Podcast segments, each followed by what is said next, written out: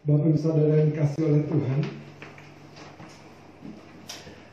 Kita harus belajar dalam hidup kita bahwa Musim selalu memang akan berubah dan berganti-ganti Bahkan Saudara Seberapa hebat dan gagahnya pun kita Suatu hari kelak kita tidak bisa mempertahankan kehebatan dan kegagahan kita. Seberapa terkenalnya pun, suatu hari nama kita akan tenggelam. Itu sebabnya kalau engkau dan saya menyadari betapa fananya kehidupan ini, engkau akan mengejar yang kekal, engkau akan mengejar yang lebih bertahan sampai kepada di kekekalan. Masa-masa yang sedang kita lewati ini di mana kita ibadah di rumah, mungkin ada beberapa pertanyaan yang pertama-tama saya mau sampaikan. Apakah engkau akan semakin pahit dalam kehidupan ini? Atau akan semakin merasakan kemanisan Tuhan di tengah-tengah masa yang sukar ini?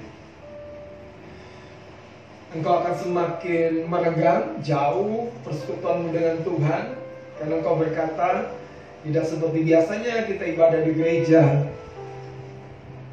Susah, tidak rasa apa-apa atau sebaliknya saudara. Engkau akan berkata engkau akan menyadari hakikat dari ibadah itu sendiri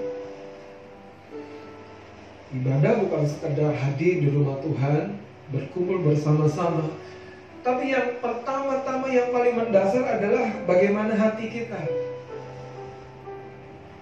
Ada sebuah contoh di Alkitab dua orang datang berdoa ke bait Allah. Yang satu orang Farisi yang satu pemungut cukai.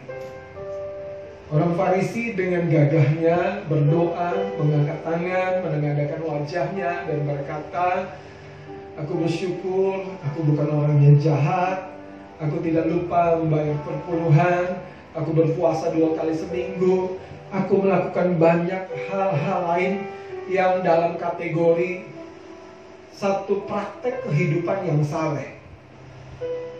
Satu orang lagi yang hadir di bait Allah juga berdoa, justru menunduk sambil memukul diri dan berkata, aku nggak layak, aku nggak Saudara, justru Yesus menyampaikan cerita ini sebagai sebuah kisah bahwa di hadapan Tuhan yang paling menentukan adalah bukan perbuatan baik engkau dan saya, yang paling menentukan adalah bagaimana sikap hati kita ketika kita bersalah atau ketika kita berbuat baik. Entah engkau berbuat baik, entah engkau sedang bersalah, atau tidak taat kepada Tuhan atau berdosa, sikap hati kita yang menentukan apakah dia berkenan atau tidak. Saudara, orang Farisi ini berkata, Aku bersyukur juga aku tidak seperti pemungut cukai ini ternyata yang sedang berdoa. Dia duduk di belakang karena malu rasanya. Kenapa? Karena saudara ada stigma pemungut cukai adalah orang-orang yang sering memeras rakyat karena dia yang harus mengatur pajak. Hari ini bagaimana dengan keadaan engkau dan saya? Kau berbuat baik, kau pelayanan, Engkau melakukan banyak aktivitas yang di dalam kacamata manusia memberkati. Tapi pertanyaannya dengan sikap hati seperti apa kita lakukan? Mata melakukan pelayanannya segenap hati saudara di rumahnya ketika Yesus datang. Dengan segenap tenaga dia menjamu murid-murid Yesus dengan muridnya. Tapi pelayanan yang seperti itu jangan salah saudara. Ditolak Tuhan. Pertanyaannya kembali kepada hal yang pertama tadi disampaikan. Bukan besar kecilnya pelayanan. Bahkan Anda perlu tangkap kata-kata saya. Bukan besar kecil dampaknya. Tapi dengan hati seperti apa engkau lakukan pelayanan itu. Mari hanya duduk dekat dengan kaki Tuhan dan mendengarkan Tuhan terus berbicara. Saudara satu, salah satu pelayanan yang kadangkala suka dijumpai di dalam kehidupan para pelayan Tuhan adalah duduk dekat kaki Tuhan, berlama-lama mengarahkan hati dan telinga, mendengar koreksi Tuhan, teguran Tuhan, arahan Tuhan. Kenapa saudara? Karena yang dibutuhkan adalah kerendahan hati. Kerendahan hati, kerendahan hati. Saudara, saya mau sampaikan hal-hal yang penting sebelum kita melewati masa selesainya pandemi COVID-19 ini. Ini bukan masalah berapa lamanya kita harus lewati. Apakah masa ini akan menghasilkan seorang yang baru di dalam dirimu? Kau melihat orang lain, melihat pekerjaan, melihat waktu. Kadang-kadang ingat nggak dulu, kalau ada pertemuan, alasanmu nggak bisa apa? Ada kerjaan. Sekarang rasain, nggak bisa bekerja. Pertemuan terus, keluarga terus, di rumah terus. Jadi segala satu tidak yang kekal. Bayangkanlah kalau kita menjaga-jaga yang tidak kekal ini mengabaikan yang kekal. Betapa menyedihkannya. Saya berdoa kalau engkau hari ini ibadah di rumahmu, di mana pun engkau berada. Persiapkan hatimu. Ada amin. Saudara, Tuhan akan segera membawa kita melewati masa ini. Tapi kalau kita kembali lagi kepada kegagahan manusiawi kita, apa yang terjadi saudara? Tuhan tentu akan sedih. Tuhan tentu akan berduka cita. Hari ini saya mau mengajak kita belajar apa yang terpenting di dalam kehidupan pada waktu kita mengalami perubahan-perubahan musim di mana Tuhan memproses hidup kita adalah kita harus belajar menyadari apa yang jadi baru dalam diri kita. Apa yang berubah dalam diri kita. Kenapa? Karena itu yang menentukan apakah kita tetap ada di garis pertandingan sampai kepada kekekalan atau kita akan meninggalkan garis pertandingan. Saudara, kita harus bersiap untuk masa depan. Katakan bersiap untuk masa depan.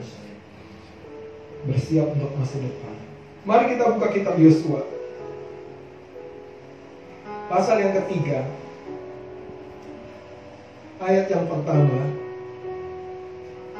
Saya akan baca Alkitab berkata Yosua bangun pagi-pagi lalu ia dan semua orang Israel berangkat dari Sitim dan sampailah mereka ke sungai Yordan. Maka bermalamlah mereka di sana sebelum menyeberang.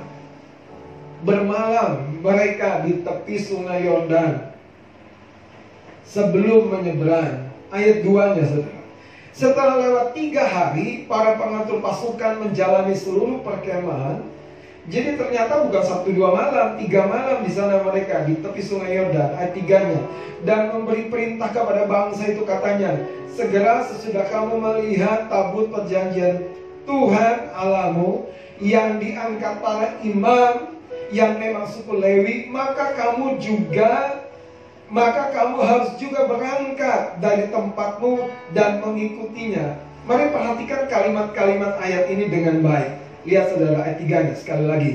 Dan Yosua memberi perintah kepada seluruh umat Tuhan itu. Lihat ayat 3 nya. Segera, katakan segera. Segera. Saudara ini bukan sekedar kata-kata yang kosong. Sering kali saudara Tuhan mau membuka peluang yang besar buat kita. Tapi masalahnya kita terpaku dengan kenyamanan, terpaku dengan masa lalu, terpaku dengan kegagalan. Sehingga akibatnya saudara, kita tidak pernah mengalami sebuah terobosan yang besar yang memang Tuhan sediakan. Dan kita alami. Coba lihat saudara, lihat ayat 3 nih. Sesudah kamu melihat tabut perjanjian Tuhan Alamu yang diangkat para imam, jadi saudara, ada sebuah perintah yang menurut saya cukup unik sekali. Mereka adalah laskar Tuhan, mereka adalah tentara dan pasukan Tuhan. Mereka juga keluarga lepas keluarga bersama-sama dengan Yosua menuju satu tujuan yang jelas tanah kanan tanah perjanjian dan mereka sudah tiga malam di tepi sungai Yordan sebelum pagi itu, pagi-pagi benar, mereka akan menyeberang sungai Yordan. Ada satu perintah yang menarik yang mari kita perhatikan, saudara. Lihat ayat 3 sekali lagi. Segera sudah kamu melihat tabut perjanjian Tuhan Allahmu yang diangkat para imam yang memang suku Lewi, maka kamu juga harus maka kamu harus juga berangkat dari tempatmu dan mengikutinya. Saudara, ada satu rombongan yang besar ini yang harus responsif. Ketika melihat tabut, tabut Tuhan diangkut oleh Imam Lewi, memasuki sungai Yordan, kamu juga harus bergerak. Nah, ayat 4-nya begini. Hanya antara kamu dan tabut itu harus ada jarak kira-kira 2000 hasta panjangnya. Janganlah mendekatinya. Maksudnya supaya kamu mengetahui jalan yang harus kamu tempuh. Maksudnya, lihat saudara, supaya kamu mengetahui jalan yang harus kamu tempuh. Kamu mengetahui jalan yang harus kamu tempuh. Ah ini saudara, Masa depan akan menjadi sebuah misteri yang menakutkan bagi orang-orang yang tidak tahu jalan yang harus ditempuhnya. Dalam perekonomian, dalam rumah tangga, dalam sosial, dalam politik, banyak hal yang mungkin bagi beberapa orang akan menjadi sebuah pertanyaan yang besar. Tapi kalau kita punya satu hubungan yang baik dengan hadirat Tuhan yang terus memimpin. Ini kebenarannya. Kita akan berjalan pada tapak jejak kaki yang tepat yang memang ditinggalkan untuk kita jalani. Haleluya. Saudara saya mau kabarkan bahwa masa di depan ini belum tentu makin mudah. Masa di depan ini belum tentu makin saudara nyaman buat dagingmu dan dagingku. Jangan salah. Karena kalau boleh saya bilang ini seperti apa ya namanya uh, latihan atau uji coba. Alkitab yang berkata akan tiba masa kesukaran besar tiga setengah tahun dan sebelumnya ada tiga setengah tahun masa masa di mana antikris mulai memerintah. Dan waktu-waktu itu, kalau Anda baca Alkitab, adalah waktu-waktu yang sangat sukar bagi orang percaya. Karena imanmu dipertaruhkan. Hari ini saudara fokus kita bukan kepada kesusahan di depan. Tetapi kepada jejak yang ditinggalkan untuk kita. Itu sebetulnya. Nah, saya mau mau ajak kita dengan cepat. Pertanyaannya, bagaimana kita bisa seperti ayat ini mengikuti dengan baik, memperhatikan dengan baik, di sini salah permainannya adalah bagaimana hati kita. Saya mau ajak kita membuka kitab Hakim-Hakim. Ada satu cerita yang menurut saya dicatat begitu unik sekali tentang pasukan Gideon ketika Tuhan mau menyerahkan Laskar Midian yang pada waktu itu menekan bangsa Israel kepada Gideon. Lihat Hakim-Hakim pasal 7 nanti saya berdoa dan tangkap hal-hal yang sederhana dari cerita saya nih. Lihat saudara. Hakim-hakim pasal yang ketujuh. Ayat yang kedua. Berfirmanlah Tuhan kepada Gideon. Terlalu banyak rakyat yang bersama-sama dengan engkau itu daripada yang ku kehendaki untuk menyerahkan orang Midian ke dalam tangan mereka. Jadi Tuhan tidak butuh banyak Alasannya di, di, dicantumkan di ayat ini. Ini yang Anda harus perhatikan. Bukan besarnya pelayanan, bukan besarnya dampak, tapi ternyata sikap hati, saudara. Kalimat berikutnya, saudara, ayat yang kedua ini. Jangan-jangan orang Israel memegah-megahkan diri terhadap aku Sambil berkata, tanganku sendirilah yang menyelamatkan aku. Saudara, ternyata kesanggupan besar tidak akan berarti banyak kalau karakter hati kita adalah pribadi yang suka bermegah, pribadi yang suka merasa sukses, merasa berhasil. Orang bijak berkata, saudara, kesuksesan keberhasilan adalah seperti sebuah jembatan. Jembatan menuju sebuah kesuksesan lain. Nah orang yang seperti ini akan berjaga untuk tidak bermegah di tengah kesuksesannya.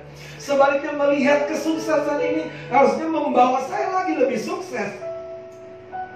Tidak heran Abraham diberkati dalam segala sesuatu. Artinya roh, jiwa, tubuh, ibadahnya diberkati. Keluarganya diberkati. Keturunnya diberkati. Kenapa? Karena Abraham saudara menjaga sikap hati. Katakan sikap hati. Sikap hati seperti apa hari ini ketika engkau menerima berkat? Ketika engkau bahkan tidak menerima berkat. Ketika engkau menerima besar, bagaimana sikap hati kita? Ketika kau menerima bahkan lebih kecil dari banyak orang lain, bagaimana sikap hati kita? Ketika kau sakit, ketika engkau sehat, bagaimana sikap hatimu?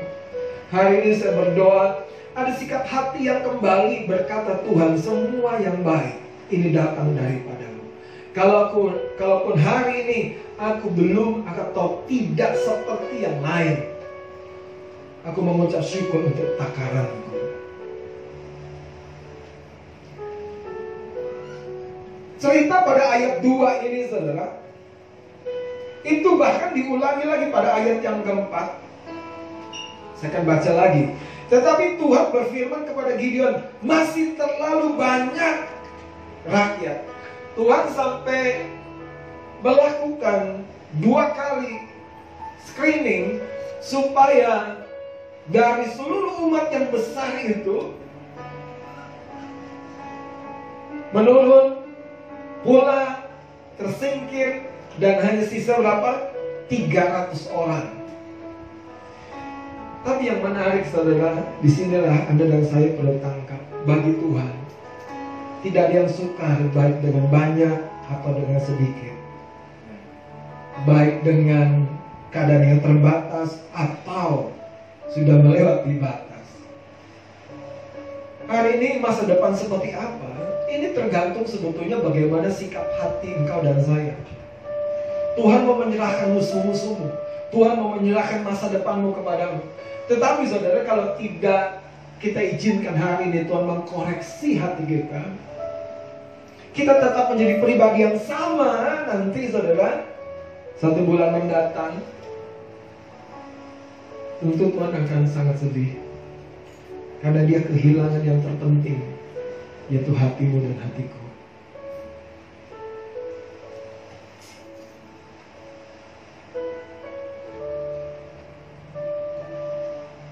Mazmur 78 ayat 40 dan 41 Berapa kali mereka memberontak terhadap dia di padang gurun Dan menyusahkan hatinya di padang belantara Ayat 41 Berulang kali mereka mencobai Allah Menyakiti hati yang kudus dari Israel dalam terjemahan bahasa Inggrisnya bagus ini. Yes, again and again they tempt God and limit the Holy One of Israel. Saudara Tuhan terbatasi oleh ketidakpercayaan kita. Hari ini kalau kau masih tidak percaya bahwa Tuhan merancangkan masa depan yang terbaik. Masalahnya bukan di Tuhan, di hati kita. Gideon kalau melihat kesulitan, Gideon bahkan orang tuanya dan penyembah berhala. Tetapi ketika Tuhan datang, malaikat Tuhan datang, Gideon belajar satu hal. Bukan besar kecilnya tentara. Tetapi ketika hati kita selalu mau mempersembahkan kemuliaan, glory hanya bagi Tuhan.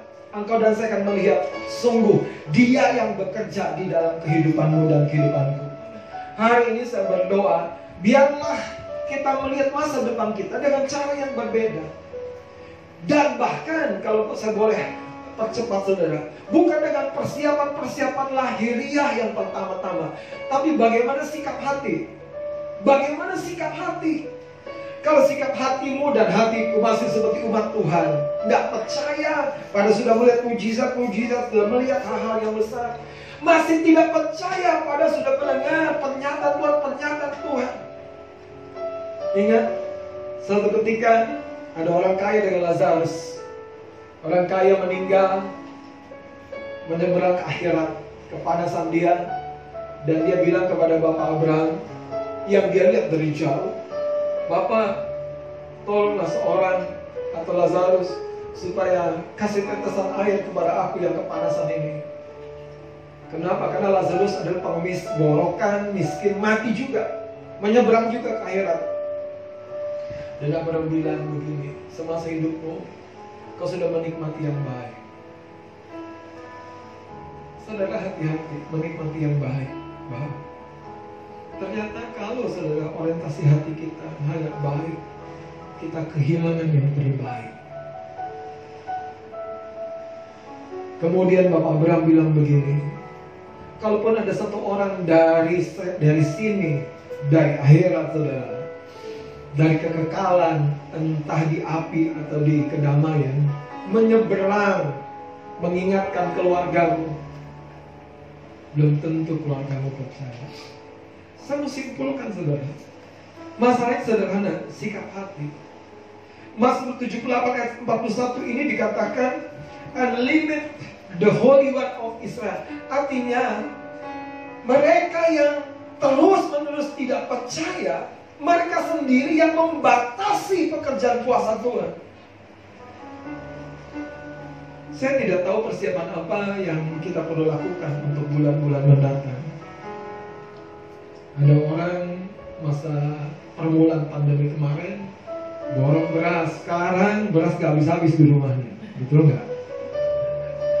Kami aja gak habis-habis, datang lagi dan datang lagi dan datang lagi. Ada yang borong Indomie, sampai mau dimasak udah masuk angin semua Indominya. Kenapa saudara? Karena hatinya persiapan ke depan sekali lagi masa depan kita ini tergantung sikap hati. Kadang-kadang suka sedang menyampaikannya. Persiapan pendidikan, persiapan edukasi, persiapan pelatihan itu nomor yang kesekian setelah persiapan hati. Oh itu karena Pak Pendeta yang ngomong Enggak saudara, firman Tuhan. Yesus sendiri berkata begini Kepada orang-orang yang kecil Dia menyingkapkan rahasia-rahasia kerajaan Allah Bukan kepada orang yang hebat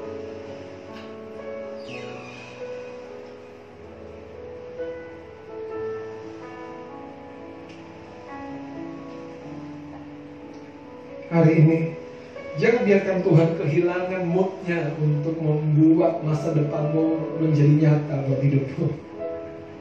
Jangan membuat Tuhan kehilangan kasihnya, kehilangan semangatnya, kehilangan apa ya gregetnya untuk menunjukkan kelimpahannya kepadamu karena kau tidak percaya. Karena kau tidak percaya.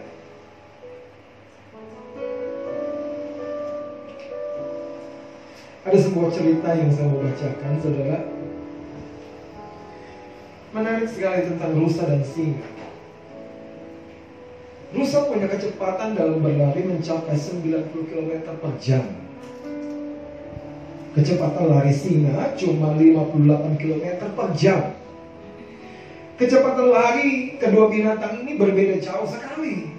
Anehnya, Seringkali singa begitu gampang memburu rusa dan memangsanya, betul nggak? Pada rusa larinya cepat sekali, gesit sekali, lincah sekali. Dia 90 km per jam, hmm, nyaris tak terdengar. Singa cuma 58 km per jam. Kenapa?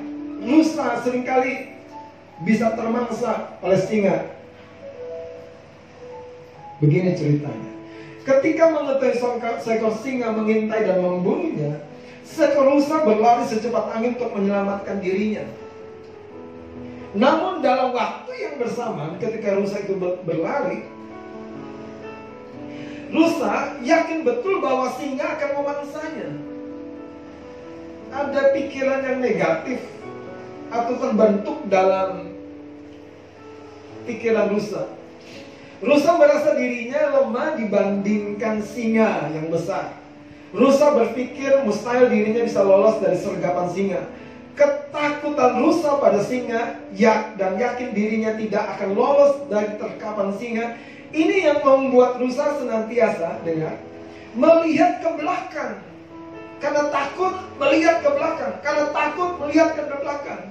Padahal orang yang mau menggapai masa depannya, dia harus melepaskan saudara apa yang menghalangi di masa lalunya. Melihat ke depan dengan seterang-terangnya. Saudara, pantauan mematikan ini ketika dia menengok terus ke belakang ke arah singa berpengaruh secara negatif terhadap kecepatan lari rusa. Pantauan-pantauan inilah yang membuat lari rusa semakin lambat dan membuat singa semakin mendekatinya. Dan selanjutnya singa menyergap dan memangsanya. Kalau saja rusa mengetahui atau mengerti betul titik kekuatannya ada pada kecepatannya niscaya dia akan selamat dari cengkraman singa. Pelajarannya saudara begini. Banyak sekali waktu yang sudah kita buang untuk melihat ke belakang. Sehingga kita pun akhirnya dimangsa oleh kegagalan-kegagalan masa lalu kita. Kita seperti mendaur ulang kegagalan, mendaur ulang rasa tidak mampu, rasa rasa yang sama dulu Seringkali kegagalan masa lalu membuat kita tidak percaya bahwa kita mampu menggapai sukses di depan. Mampu mewujudkan cita-cita dan mimpi-mimpi kita. Hari ini, jangan biarkan kita menjadi rusa yang kehilangan kecepatan larinya. Karena kau menengok-nengok terus ke belakang karena singa yang mengejarmu. Saudara singa gambaran ketakutan dalam hidup kita. Singa gambaran kegagalan hidupmu dan hidupku dalam banyak area. Keuangan, bisnis, hubungan. Jadi rusa yang melesat, amin. Jadi rusa yang berlari dan mengabaikan sekalipun ada pemangsa di belakang. Satu cerita lagi, saudara. Apakah Anda pernah menyadari kenapa bangsa Israel dalam peperangan melawan Goliat takut kepada Goliat. Kalau di sekolah minggu dulu kita diajar, ya tentu kak, karena Goliat itu tinggi besar, dia raksasa menakutkan. Jadi ketika bangsa Israel dan Saul rajanya melihat Goliat, mereka takut. Terus kenapa bangsa Israel takut kepada Goliat. Sementara mereka tidak takut kepada satu orang yang mampu membunuh Goliat itu. Tidak. Seandainya mereka menilai sesuatu bukan berdasarkan apa yang mereka lihat, tentu mereka sudah seperti Daud, saudara. Mereka menilai berdasarkan apa yang mereka dengar. Masa depanmu akan suram, gagal, ya kau akan begini, begitu. Kenapa? Karena berita-berita lain, berita dunia kau dengar. Daud beda sekali, saudara. Dia berpijak pada janji-janji Allah. Kalau Anda ingat khotbah minggu yang lalu, masa depan kita, kita dapat teropong melalui janjinya, saudara. Hari ini kau rusa yang sedang berlari dan melesat. Jangan biarkan singa kegagalan, singa ketakutan membuat engkau akhirnya gagal dan jatuh. Saya berdoa, modalnya sederhana, cuma satu. Ingat cerita Gideon. Tuhan berkata, masih terlalu banyak. Jangan-jangan hari ini, kalau kita terlalu gagah, yang menjadi kegagahan kita tuh sedang dirontokin. Yang jadi kegagahan kita tuh sedang dilepasin sehingga saudara, kita akan melihat kemenangan justru ketika tentara puji-pujian berada di baris depan, bukan tentara pembawa pedang. Itulah laskarnya Yosafat. Kita akan melihat peperangan dimenangkan justru ketika saudara 300 orang membawa apa? Suluh dengan buyung. Mereka hanya memecahkan itu malam-malam, mengangkat obotnya dan berkata pedang demi Gideon dan pedang demi Tuhan. Kita akan melihat masa depan kita kita taklukkan bukan dengan kekuatan ekonomimu, bukan dengan kekuatan edukasimu, bukan dengan kekuatan pengalamanmu, tetapi engkau mengalami penyertaan the Holy One of Israel itu. Yang kudus dari Israel itu, yang tidak lagi terbatasi oleh sikap hatimu. Tuhan berkata, masih terlalu banyak Gideon dua kali pas lebaran.